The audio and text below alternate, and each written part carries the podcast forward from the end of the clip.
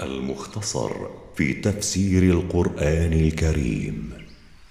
تلاوة الشيخ القارئ محمد صديق المنشاوي. قراءة التفسير ياسين اللحياني ورياض عاشور.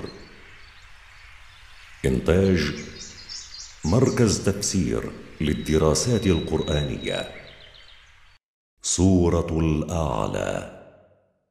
أعوذ بالله من الشيطان الرجيم.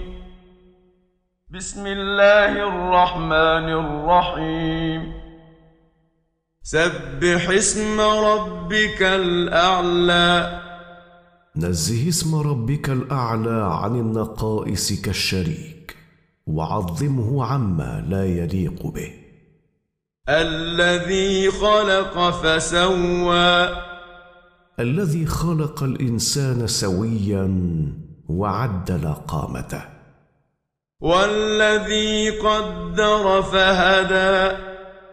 والذي قدر الخلائق أجناسها وأنواعها وصفاتها وهدى كل مخلوق إلى ما يناسبه ويوائمه. والذي أخرج المرعى. والذي أخرج من الأرض ما ترعاه دوابكم. فجعله غثاء أحوى. فصيره هشيما أسود بعد أن كان أخضر غضا سنقرئك فلا تنسى. سنقرئك أيها الرسول القرآن ونجمعه في صدرك. ولن تنساه فلا تسابق جبريل في القراءة كما كنت تفعل حرصا على الا تنساه. إلا ما شاء الله. إنه يعلم الجهر وما يخفى. إلا ما شاء الله أن تنساه منه لحكمة. إنه سبحانه يعلم ما يعلن وما يخفى. لا يخفى عليه شيء من ذلك.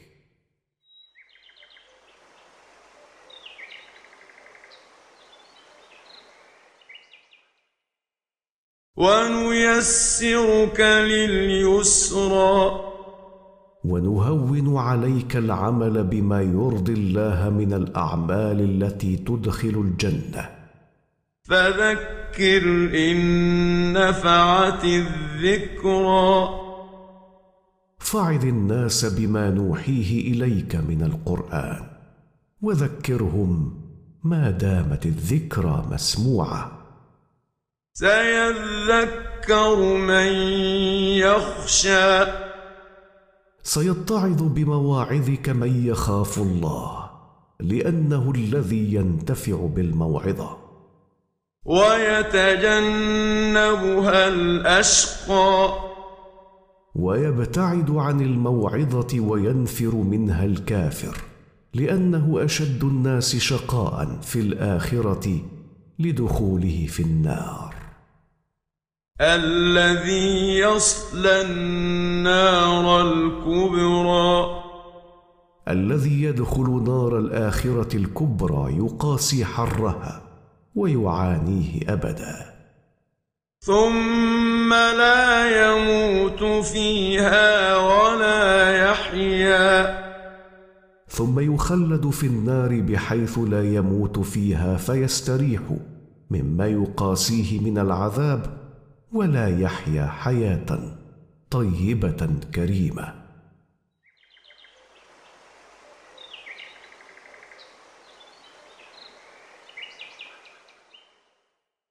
قد أفلح من تزكى. قد فاز بالمطلوب من تطهر من الشرك والمعاصي. وذكر اسم ربه فصلى. وذكر ربه بما شرع من انواع الذكر وادى الصلاه بالصفه المطلوبه لادائها. بل تؤثرون الحياة الدنيا. بل تقدمون الحياة الدنيا وتفضلونها على الاخره على ما بينهما من تفاوت عظيم. والآخرة خير وأبقى. وللآخرة خير وأفضل من الدنيا وما فيها من متع ولذات وأدوم. لأن ما فيها من نعيم لا ينقطع أبدا. إن هذا لفي الصحف الأولى. إن هذا الذي ذكرنا لكم من الأوامر والأخبار لفي الصحف المنزلة من قبلك. صحف إبراهيم وموسى. هي الصحف المنزلة على إبراهيم وموسى عليهما السلام. إنتاج مركز تفسير للدراسات القرآنية.